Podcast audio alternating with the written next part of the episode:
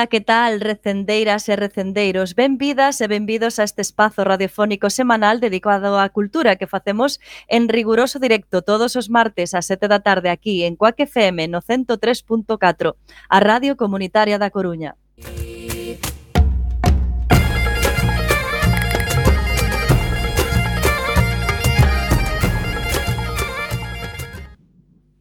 A Agrupación Cultural Alexandre Bóveda presenta este programa que podedes escoitar en directo a través da internet na páxina da emisora cuacfm.org barra directo e tamén na aplicación móvil.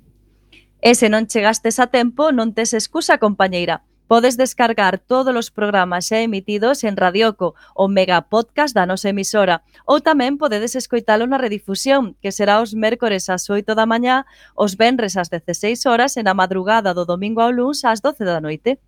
A partir de agora, seguídenos tamén nas redes sociais, tanto deste programa Recendo como da propia Asociación Cultural Alexandre Bóveda, que teñen abertas as súas canles en Instagram, Twitter e Facebook, ou na web www a calexandrebóveda.gal.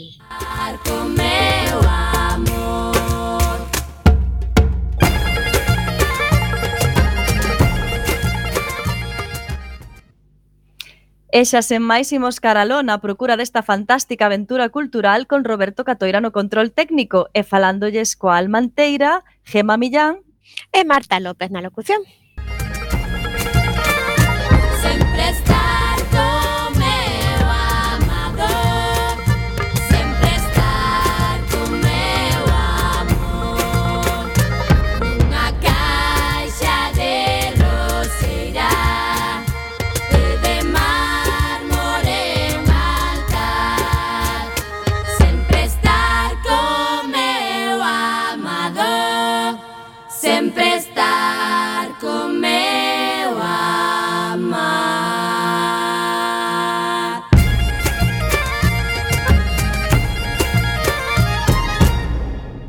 E choca, chegamos ao programa número 386.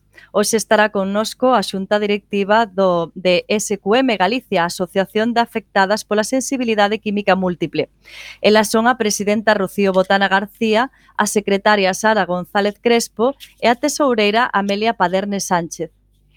Eh, falaremos das actividades da nosa agrupación e das outras cousas que, fesa, que se fan na Coruña e na Galiza e que tamén son cultura. Ademais, gozaremos coa nosa sección de poesía galega en directo. En canto á música de hoxe, xa sabedes que fai pouco morreu Paddy Maloney, o gaiteiro que lideraba o mítico grupo irlandés The Chieftains. Este grupo tiña grandes amigos na Galiza, como por exemplo Carlos Núñez. Tanto é así que no ano 1996 gravaron un disco titulado Santiago, con pezas e colaboradores galegos. Presentamos a primeira peza de hoxe titulada Guadalupe, unha versión da famosa canción Rianxeira.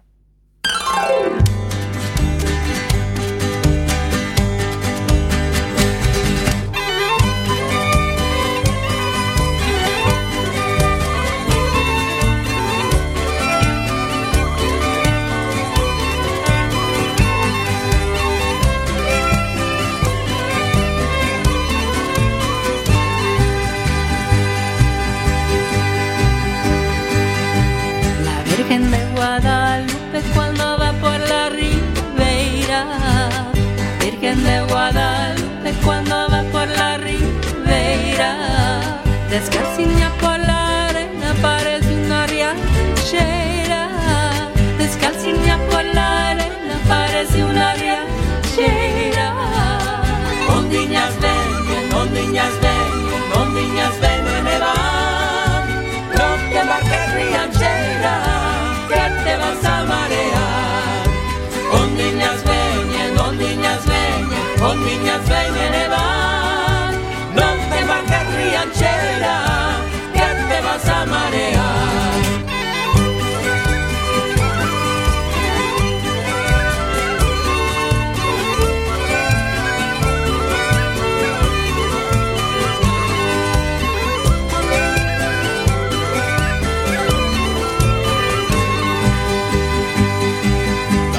Virgen de Guadalupe, quien la puso morenita.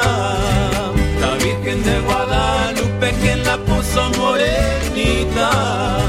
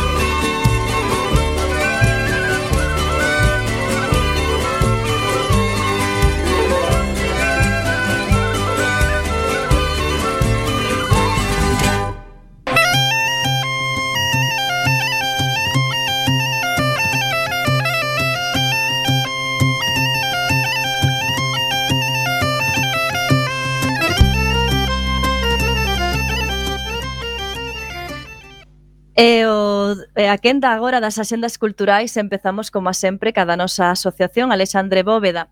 O mércores 3 teremos a palestra A guitarra galega, o ambiente guitarrístico na Coruña do século XIX a cargo de Isabel Rey San Martín. Os instrumentos de corda de, na Galiza e particularmente a guitarra ficaron nun segundo plano pola proxección social e cultural e pola significación identitaria que conseguiron ter outros, como a gaita xa dentro a, a segunda metade do século XIX. Diso tratará esta charla que será ás 19.30 horas no noso local o sábado 6 para festexar os 150, 150 anos de Rosalía na Coruña imos realizar catro roteiros. O primeiro deles titúlase Rosalía de Castro na Coruña nun tempo decisivo con Pilar García Negro. Sa este sábado ás 12 horas do Xardín de San Carlos e dura unha hora e 15 minutos.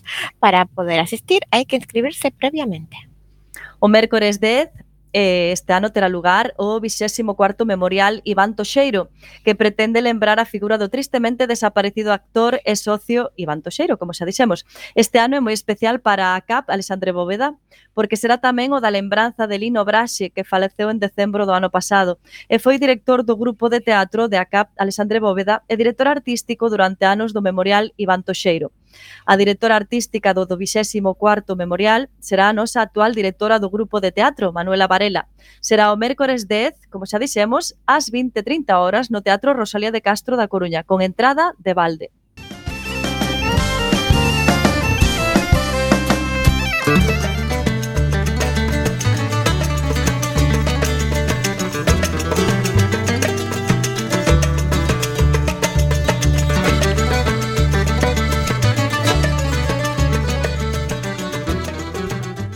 e imos aló coa xenda Cultural para Coruña.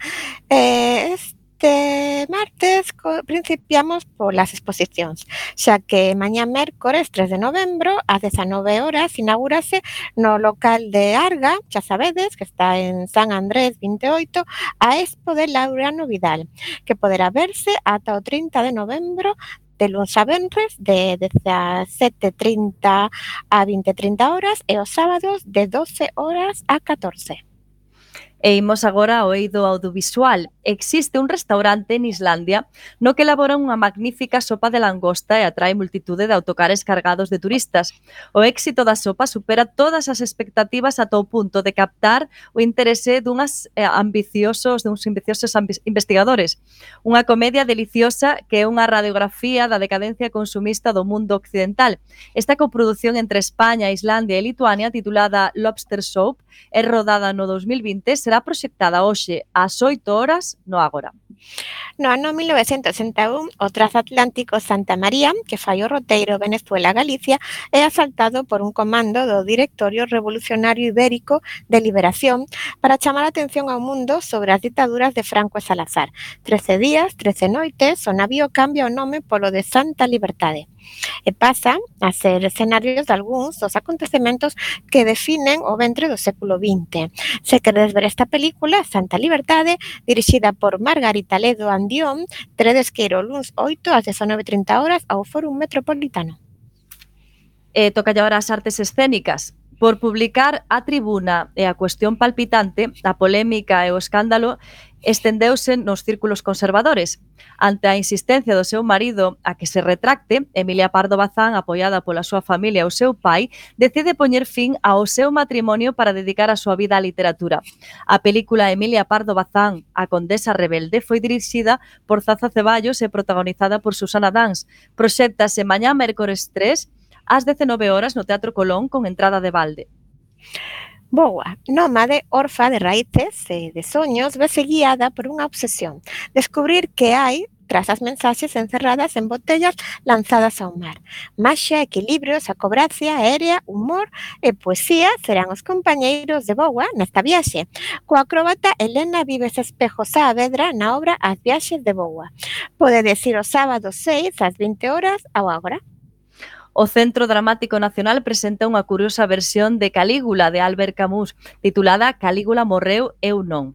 O elenco, encabezado por Jesús Vidal, famoso pola súa participación na película Campeóns, está formado por actores españois e portugueses, e por esa razón ofrécese ofrécense subtítulos para as partes declamadas en portugués. Podedes vela o Benres 5 e sábado 6 ás 20.30 horas no Teatro Rosalía.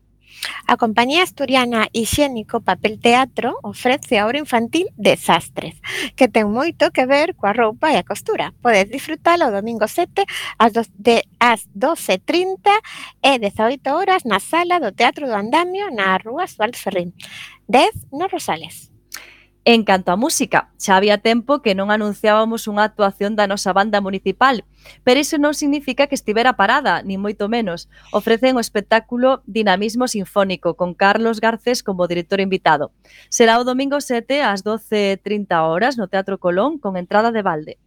Atención, que despois de máis dun ano e medio de parón volve a sala Mardi Gras. Dentro do festival Elas son artistas, actúan de Dirty Demons, unha banda mixta que tocan happy hard rock na onda de Helicopters, ICDC, Kiss, Joan Jett, Ramones eh, e The Donas. É o primeiro concerto internacional da sala despois da pandemia. Será o xoves 4 ás 21 horas. E xa que estamos nese lugar para nós tan querido, aproveitamos tamén para anunciar o concerto dos cedeirenses Os Eternos presentando o seu novo disco Sonora. Será o Benres 5 ás 22 horas na sala, como non, Mardi Gras.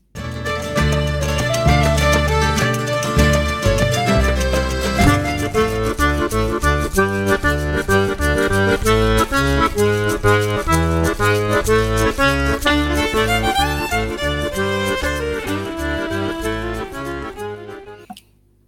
E imos aló coa Xenda Cultural da Galiza. Principiamos por Ferrol.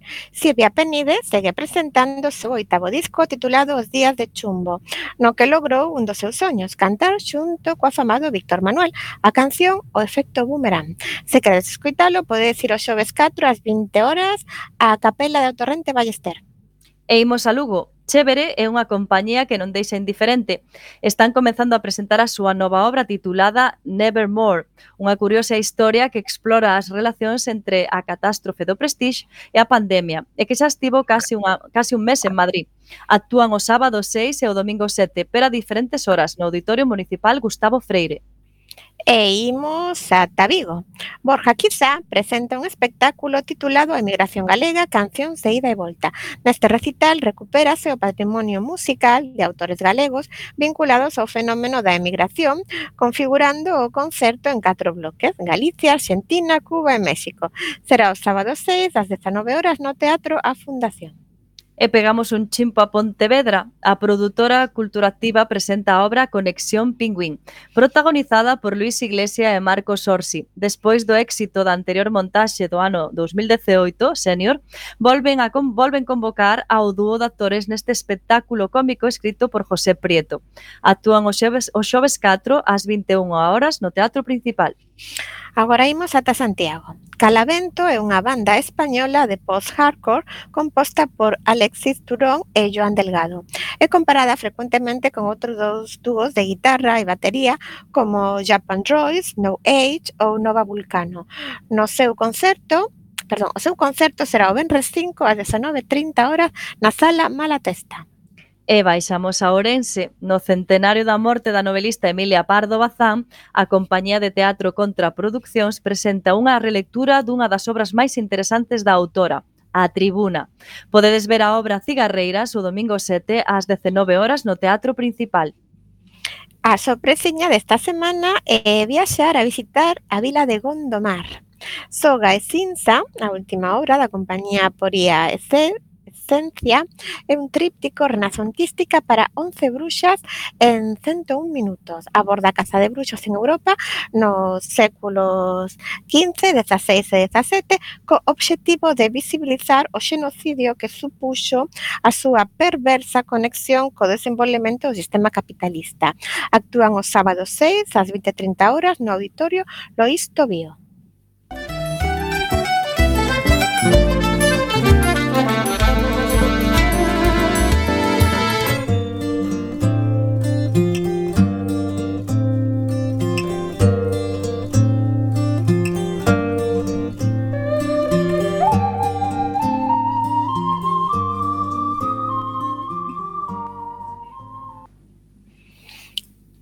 Do mar, pola orela, mirei na pasar, Na frente unha estrela, no vi un cantar.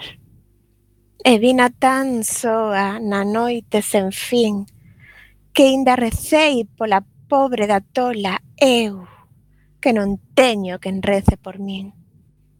A musa dos povos que vin pasar eu, con mesta dos lobos, con mesta se veu.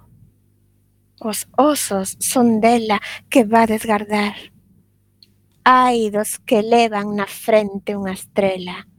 Hai dos que levan no bico un cantar.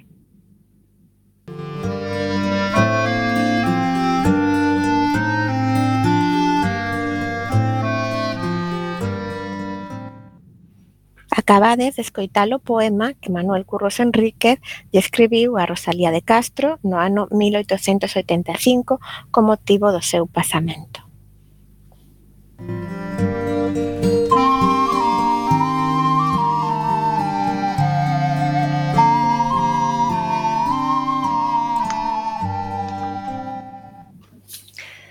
Hoxe escapamos un pouco do noso, do noso ámbito habitual. Esta tarde non imos falar de cultura, imos falar dunha enfermidade que cada vez afecta a máis habitantes de Galicia.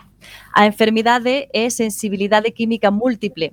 É un fenómeno complexo que tentaremos explicar cunhas poucas verbas, Diagnosticada por primeira vez a mediados do século pasado, a sensibilidade química múltiple caracterízase por unha reacción orgánica ou biolóxica ante a presenza de químicos nuns niveis antes tolerados polos afectados. Considérase que a enfermidade é causada por unha exposición prolongada ante algún axente químico ou ben por unha gran exposición aos axentes químicos nunha determinada ocasión. Os síntomas Poden ser múltiples e de diverso carácter como respiratorios, digestivos, cardiovasculares ou mesmo cognitivos e neurolóxicos. Nun principio considerouse, mal considerouse, unha enfermidade psicosomática e máis tarde como un tipo de alerxia. Agora mesmo xa hai un consenso médico e científico que nega estas orixas da enfermidade. Agora sabemos que é froito da exposición aos agentes químicos, unha caste de envenenamento que leva ao colapso do sistema inmune, tendo en conta que cada vez estamos máis expostas aos químicos, o normal é que cada vez aparezan máis persoas afectadas por a sensibilidade química múltiple. O problema tamén estriba en que esta doenza é unha gran descoñecida para a sociedade. Para tentar poñer solución a este problema e para concienciar a sociedade, creouse no 2017 en Vigo a Asociación da Sensibilidade Química Múltiple. Hoxe temos connosco a unha representación desta asociación para que nos conte un pouquiño máis como esta doenza e como podemos axudar a aliviar os padecementos sentimentos das persoas afectadas. Así, sen máis preámbulos, damos a benvida a Rocío, Sara e Amelia. Moi boa tarde a todas. A ver, imos, imos, imos, imos a recoñecer as voces. Boa tarde, Rocío. Boa tarde. Eh, tires a presidenta, verdad? Sí. Bueno, pues nada, encantada que estés en Recendo coa FM. Moi boa tarde, Sara. Hola. Hola, boa tarde. Tires a secretaria. Sí. Pois tamén, ben, benvida a Recendo Coac FM, Sara. E moi boa tarde, Amelia. Hola, boa tarde. Hola, boa tarde. Sabemos que eres a tesoureira, Sí, certo? sí. Vale, bueno, pues ahora xa presentamos todos e identificadas as voces, imos a principiar esta, esta conversa. Imos, a ver, ao principio, a primeira pregunta, queremos saber como comenzan os afectados pola sensibilidade química múltiple a decatarse que algo non, non lles vai ben? Normalmente, a persona afectada presenta de forma brusca irritación de mucosas e vías respiratorias. Tamén é frecuente que teña dende o principio unha fatiga intensa. Asiña o corpo sensibilízase e a exposición a químicos sintéticos eh, e aparecen outros síntomas. Uh -huh. eh, que pasa cas visitas aos profesionais médicos? Porque pensamos que é un problema para vos, non?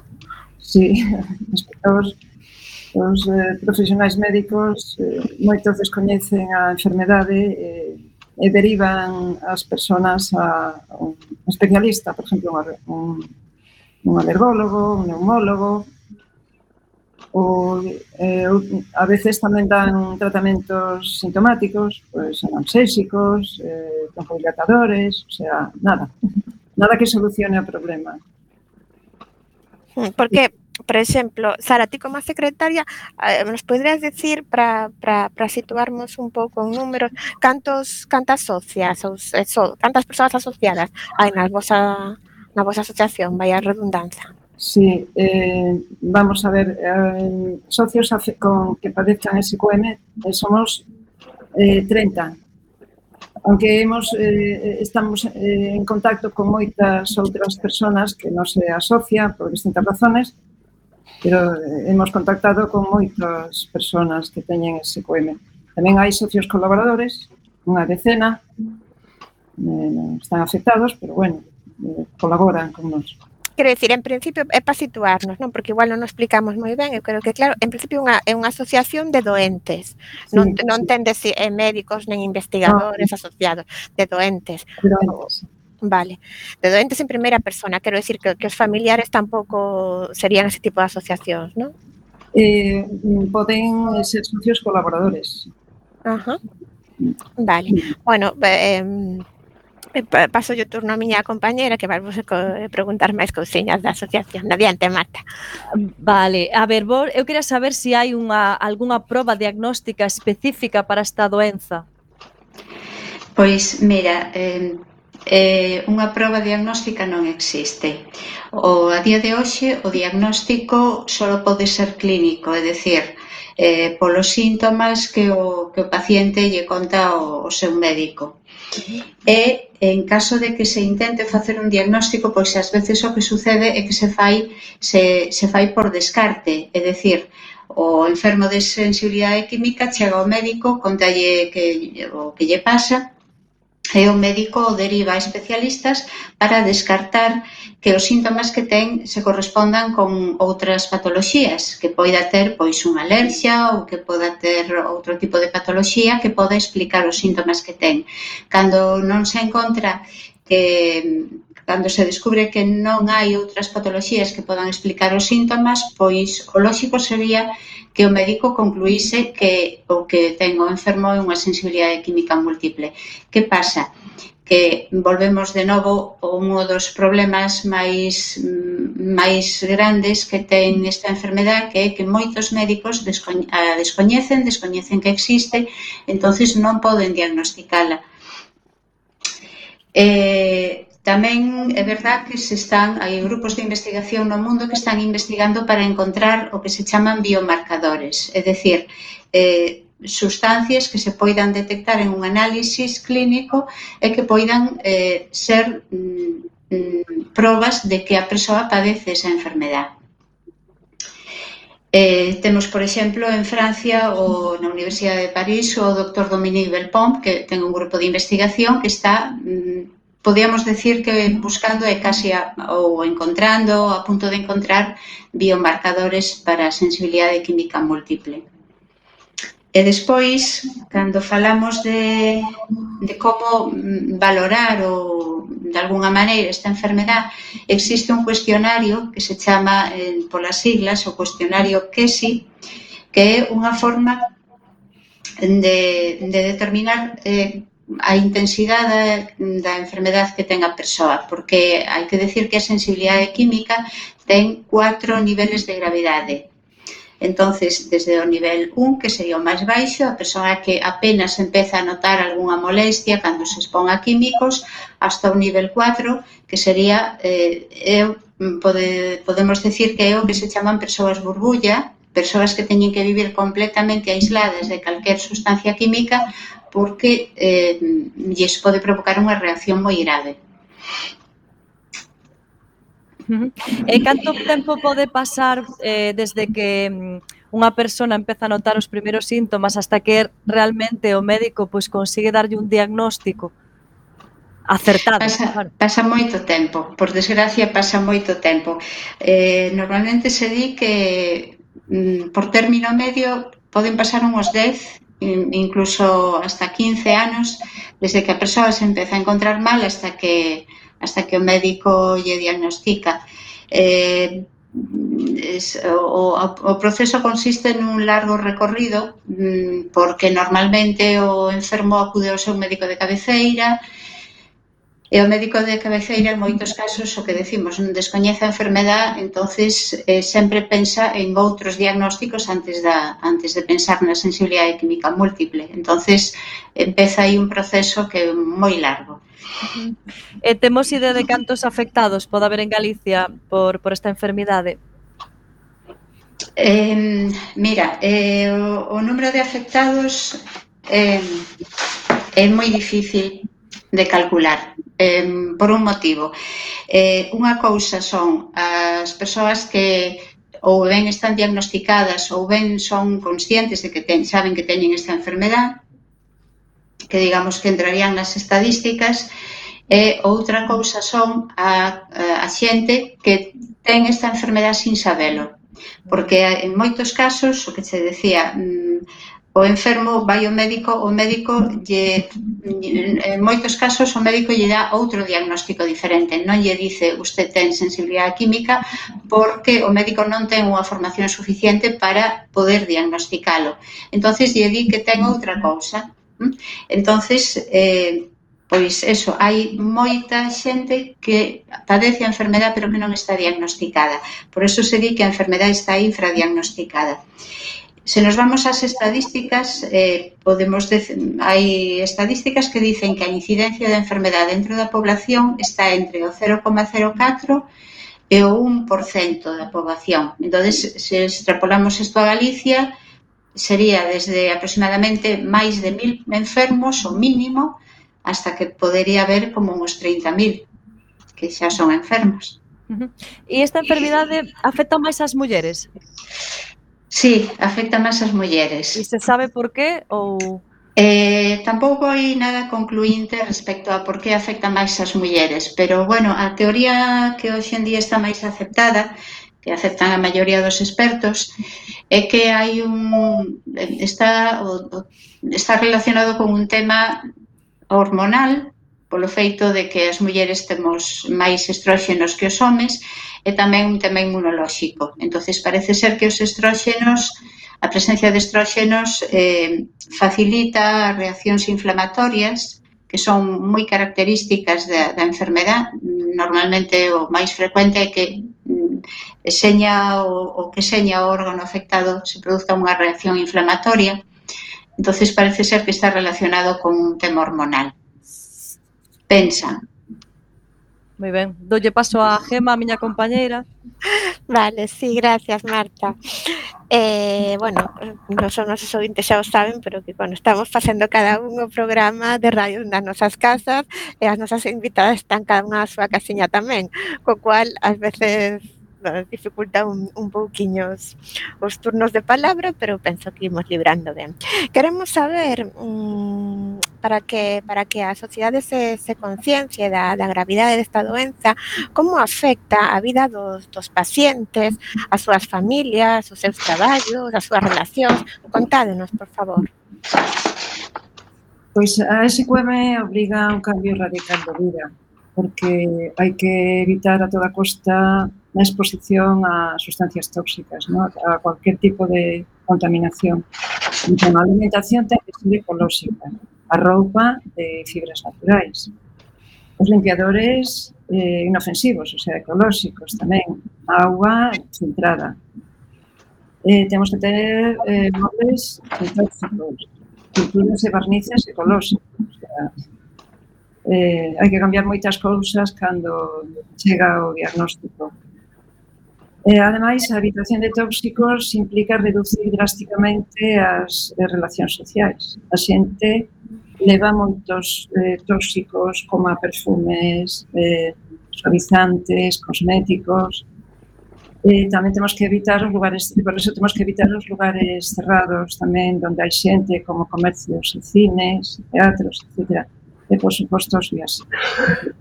Mm. Eh, Isto porque é porque a través dos pulmóns eh, pasa a sangre, pasan a sangre os tóxicos que hai no aire, non? e as mascarillas eh, non protegen de, de forma total, o sea, non son suficientes. E por eso temos que evitar respirar o contaminado. Uh. Vos na, na vosa asociación ofrecedes axuda para organizar a convivencia ou como vai a cousa? En que sentido? Eh, a ver, nosotros pensamos, temos a pregunta que como tentades organizar a vosa vida para poder convivir coa enfermedade? E eu penso que, claro, pois que cada persoa organizarase cos, apo cos apoios que conte. Entón, no, que saber se, se na asociación poden contar con, con apoios tamén. Mm, neste, neste momento, neste momento non. No.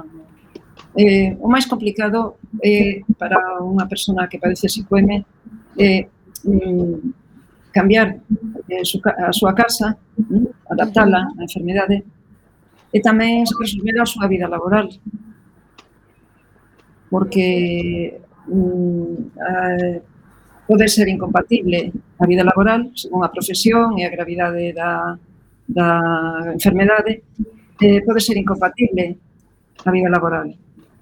Entón, sí. eh, se me permitides. Sí, sí, sí, eh, adiante, Rocío. Ahora está falando eh, Sara. Cando, adiante, Rocío. Cando me preguntabas eh, polos apoios que pode dar a asociación, pois, bueno, evidentemente desde a asociación levamos xa varios anos loitando para conseguir cousas para os afectados, pero sobre todo eu penso que o, quizás se cadra o principal apoio pode ser a información Entonces, eh, na asociación temos a experiencia de xente que leva moitos anos con esta enfermidade e que mm, pode dar moita información sobre como levala, sobre como os recursos que, que poden de que poden dispoñer os afectados para poder eh, levar mellor a súa enfermedade.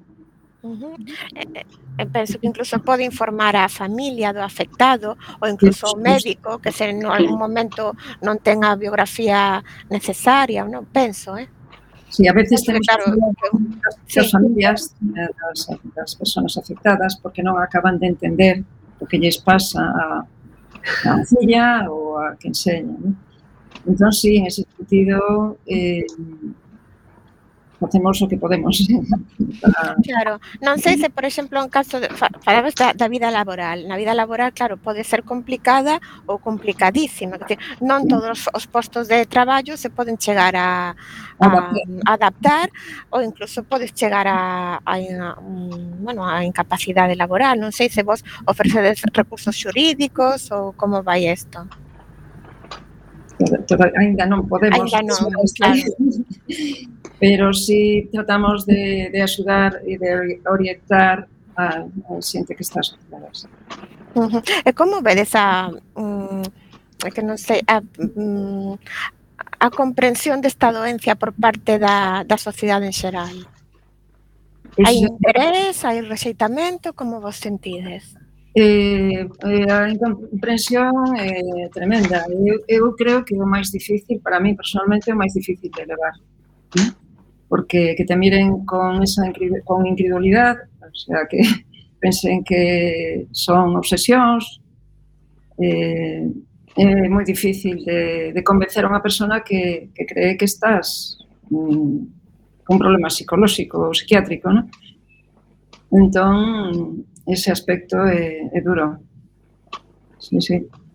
Entón penso que, que a asociación pode mm, mm, funcionar un pouco tamén como grupo de apoio nese, nese senso, ¿no? como grupo de apoio afectivo, vamos, aparte de, de todas as, as cousas que podades um, organizar. Eh, non sei se queredes eh, comentar algo máis de, non sei, de como é o día a día e de como ten unha persoa que que, que bueno, os problemas que ten que confortar unha persoa, vamos, non sei se, se, se nos queda algo importante no tinteiro antes de pasar ao seguinte bloque, que xa é das investigacións médicas. Bueno, mmm, cando sabes que tens que conseguir alimentos ecolóxicos, pois a mellor onde vives non hai, non é nada claro. fácil. Eh, por exemplo, ou encontrar roupa mm, natural, sin tóxicos, porque hai xente que incluso non tolera os tintos na roupa. Eh, meterse neste mundo é mm, tropezar mil veces, comprar cousas que logo non podes usar, que non que tes que, que tirar, eh, gastas moito, e hasta que vais encontrando a maneira de vivir con, con esta doença. Non é nada fácil.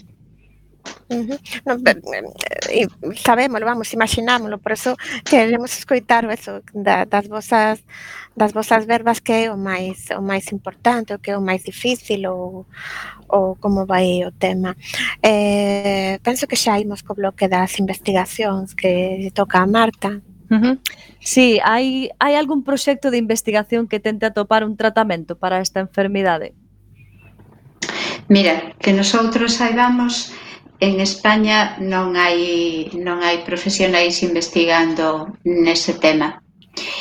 Eh, si que sabemos que fora de España, por exemplo, en Estados Unidos, existen eh, dous mm, bueno, existen investigadores tamén en outros países por mencionar así algún, pois en Estados Unidos está o doutor Martín Paul e o doutor William Rea, recientemente falecido, que son mm, os estaban considerados os maiores expertos mundiais na enfermedad, eh, son importantes investigadores, eh, tamén en outros países. Eh, de todas formas, hai que decir que estamos lonxe de encontrar un tratamento para a enfermedad. Por que? Pois porque aínda está por dilucidar a causa da enfermedad. Entonces, eh, o tratamiento ainda vai tardar en chegar. Aitate sí que é verdad que se está investigando. Entón non se sabe nada sobre o proceso que desencadena a enfermidade? En, é, é difícil, é difícil, moi difícil eh, dilucidar cal é o proceso que desencadea a enfermedade. O que sí se sabe que mm, a exposición eh, ou ben reiterada mm, Eh, de pequenas en pequenas cantidades ou ben unha exposición moi intensa puntual a un determinado químico fai que a persona se sensibilice pero pero non se, non se coñece o mecanismo que fai que crea esa sensibilización. Uh -huh. E eh, bueno, falase da, da sensibilidade química múltiple como unha, enfer unha enfermedade emerxente. Que significa eso? Pois sí, é unha enfermedade emerxente. Isto quer decir que Eh, a enfermedade, os primeiros casos, inda que son moveran poucos, se coñecen nos, xa nos anos 50 do pasado século, e a partir de aí cada vez hai máis enfermos. E, é unha enfermidade que se asocia mm, co, co, co desarrollo industrial, coa industrialización, porque a industrialización, as sociedades industrializadas, pois eh, o entorno está cada vez máis contaminado por químicos, Entonces, eh, nos, nos entornos máis industrializados e máis contaminados é onde eh, aparecen máis casos, hai unha incidencia maior da enfermidade, aparece, hai máis cantidade de enfermos. Entón, eh, eh, en xeral, a enfermidade se considera que se que se desenrolou paralela a, ao desarrollo industrial entonces, canto maior é a contaminación do entorno, eh, maior é o número de casos. Uh -huh. Entonces, a incidencia, por lo que dis, é eh, moito maior nos países industrializados, non con máis tecnoloxía, etc. Exacto, exacto, sí, así é. Muy Somos un pouco como os centinelas da contaminación, poderíase decir. Uh -huh.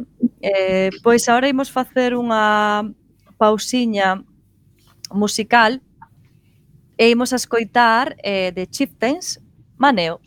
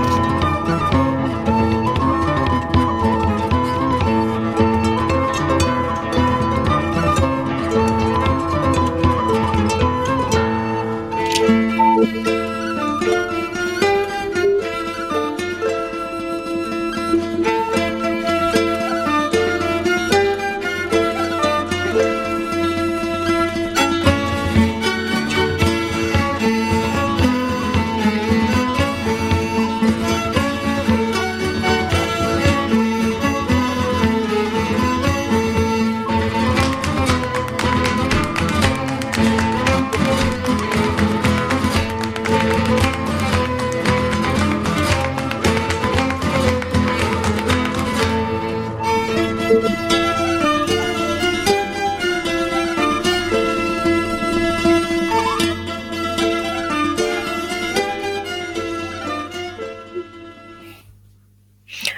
sí, estamos aquí de volta falando as persoas directivas da Sociedade para a Asociación da Sensibilidade Química Múltiple con Rocío, con Sara e con Amelia. E, bueno, xa nos comentara Sara que Claro que eh, nun principio pois catalogouse como erróneamente como unha enfermedade psicosomática e que aínda hai profesionais pois que andan un pouco despistados con isto e que, que bueno, isto é como un, como un estigma que supoño que queredes falar algo deste deste tema, non? Sí. Eu quería decir que eh, eu eh, saco a conclusión de que cando unha enfermedade mm, non se sabe por, por que aparece, Eh, é frecuente atribuirlle unha causa psicolóxica. Isto pasou, por exemplo, coa úlcera de estómago. Aí anos decíase que as persoas con mal carácter desenrolaban úlcera de estómago. Ora sabemos que a causa da úlcera é unha bacteria. A sensibilidade química, como non saben de que vai, pois eh, quen vai a ter a culpa? O paciente, que ten un problema psicolóxico. Eh, mentras non se, se sepa o orixen da enfermidade, pois sempre aparece xente que atribuye a un problema psiquiátrico, psicolóxico.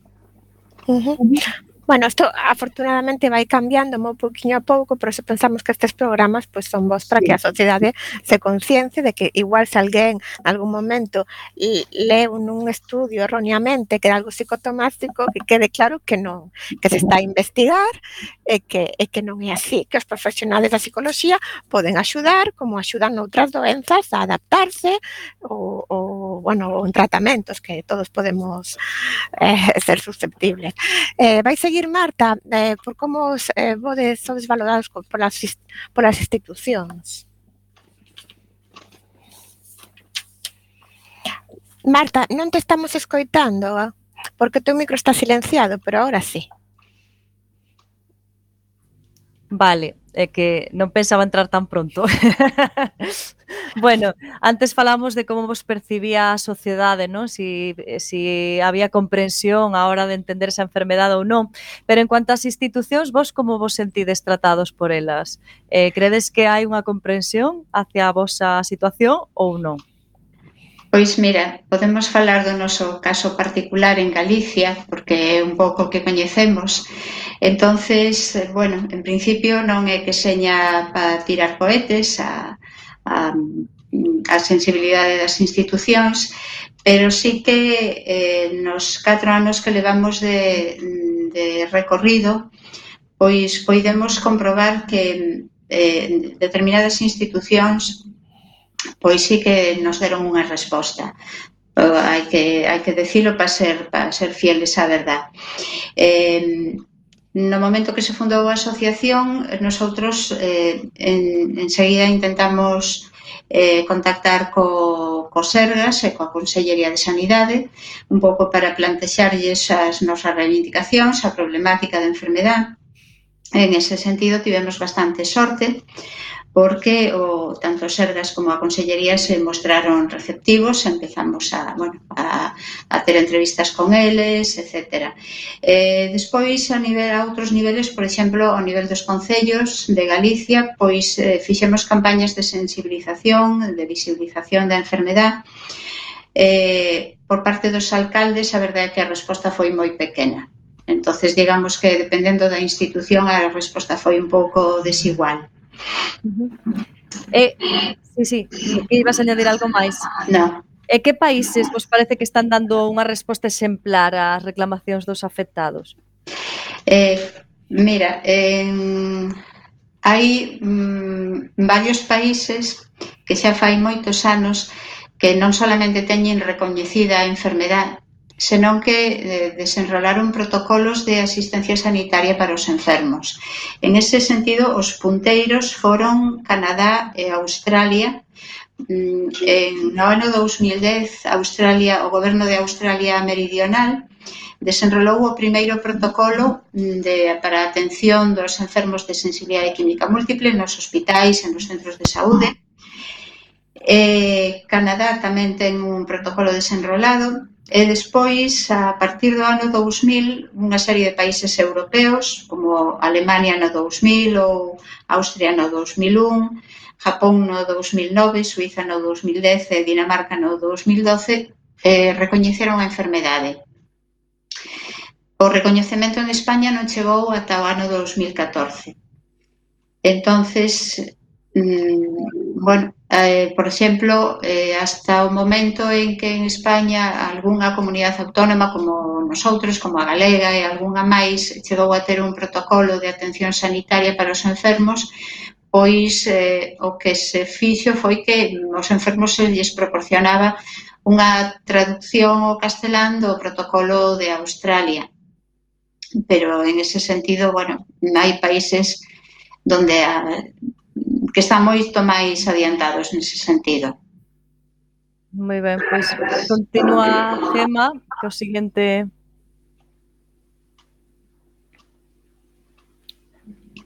Sí.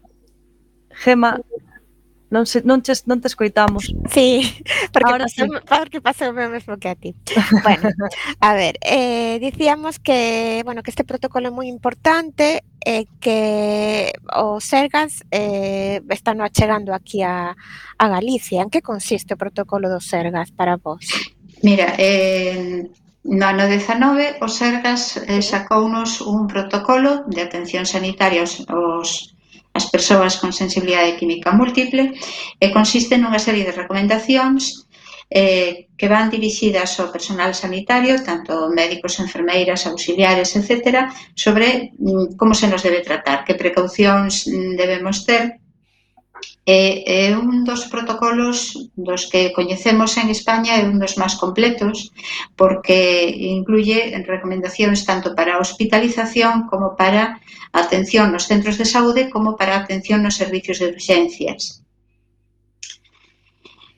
E, e bueno, mm, é algo que, bueno, que agradecemos foi un logro importante para os enfermos galegos porque non hai moitos eh, moitas comunidades autónomas en España que, que teñan un protocolo e sobre todo un protocolo tan completo como o noso. Pero o protocolo estáse a aplicar realmente ou vai moi eh, zonas? Bueno, eh, a ver, eso tamén eh, bueno, eh, eh, sería algo do que falar. Eso tam, que, que se o poderían responder sería os enfermos que nun momento dado pois tuveron unha hospitalización ou, ou tuveron que acudir a un centro de saúde, entonces aí sí, tamén se pode decir que é unha aplicación un tanto desigual, ¿no? Ca, hai persoas que eh, que tuveron que ter unha hospitalización en un momento dado e recibiron unha atención bastante bastante curiosa porque se lle respetou este protocolo, pero outras, pois, en outras ocasións non se tuvo tan en conta supoño que, bueno, é algo que, ten, que teremos que exigir cada vez que nos dirixamos a un centro de saúde ou a un centro sanitario, pois exigir que se, que se respete ese protocolo, porque está homologado polos Sergas, eh, todos os profesionais sanitarios da, da sanidade pública galega deben ter coñecemento del, porque a todos se lles informou de, ese, de que existía ese protocolo. O sea, xa que se, se, bueno, se algunha persoa nos está a escoitar e sospeita que pode pasar esta enfermedade, pode dicirle ao seu médico, mira que o cercas, quitou un protocolo, infórmate aí. Sí, sí, sí, sí. Exacto, exacto, porque o protocolo non contén solamente mm, eh, os, as instruccións sobre como se nos debe tratar cando accedemos a un hospital ou a un centro de saúde, senón que tamén contén información sobre a enfermedad, contén bibliografía, e aí é unha fonte de información para o profesional sanitario, para o médico, que o médico, bueno, debería coñecer. Uh -huh.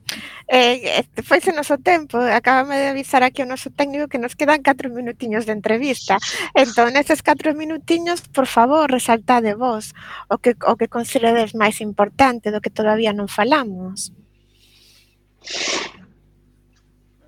Eh, pois mira, eu mm, vou, eh, se me permites, vou intentar facer un pouco unhas consideracións para para a xente que nos esteña escoitando, eh,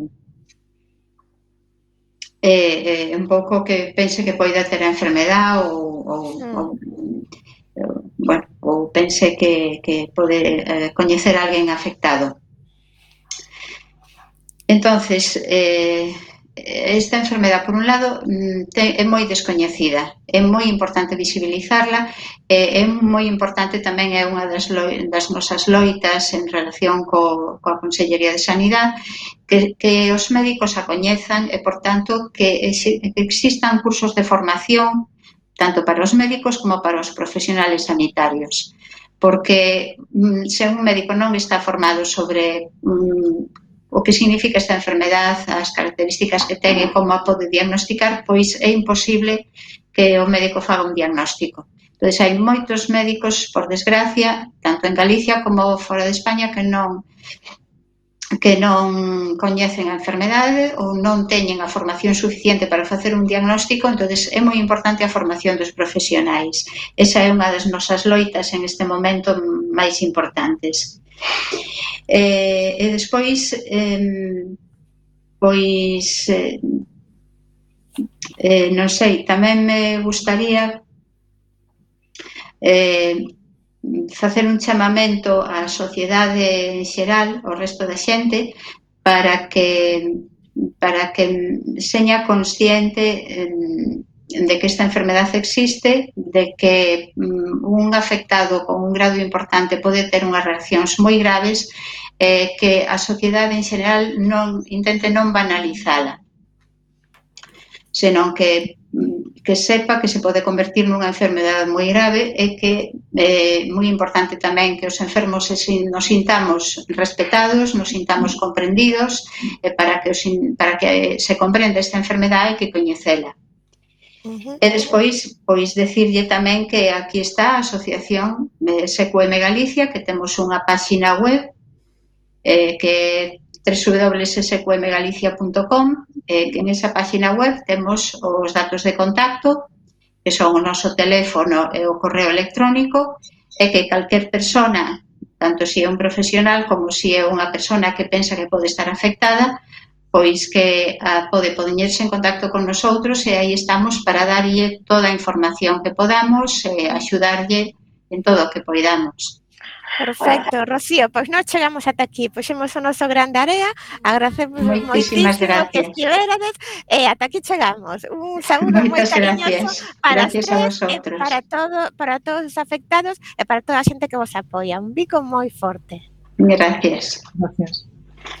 Eh, e, sen tempo para máis odiseas, imos chegando a fin do camiño deste recendo. Despedimos o programa de hoxe, agradecendo as nosas convidadas, que, como sempre, foron de honra. Hoxe temos o placer de falar con Rocío Botana García, Sara González Crespo e Emelia Paderne Sánchez, da Asociación SQM Galicia.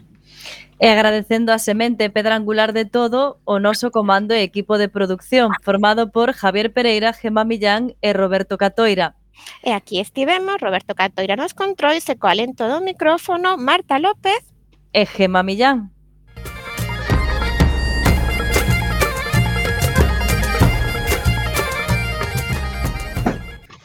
acompañándote neste recendo de palabras e de imaxes radiofónicas que nos traen este aroma cantando na nosa lingua e que nos permite hoxe, tamén no futuro, a permanencia da palabra, da música, da implicación e o compromiso coa nosa nación, a Galiza. Ato vindeiro martes ás 7 da tarde en directo nesta emisora coa que FM da Coruña, xa sabedes, recendo as mil primaveras que terá o noso idioma. Las doces cartas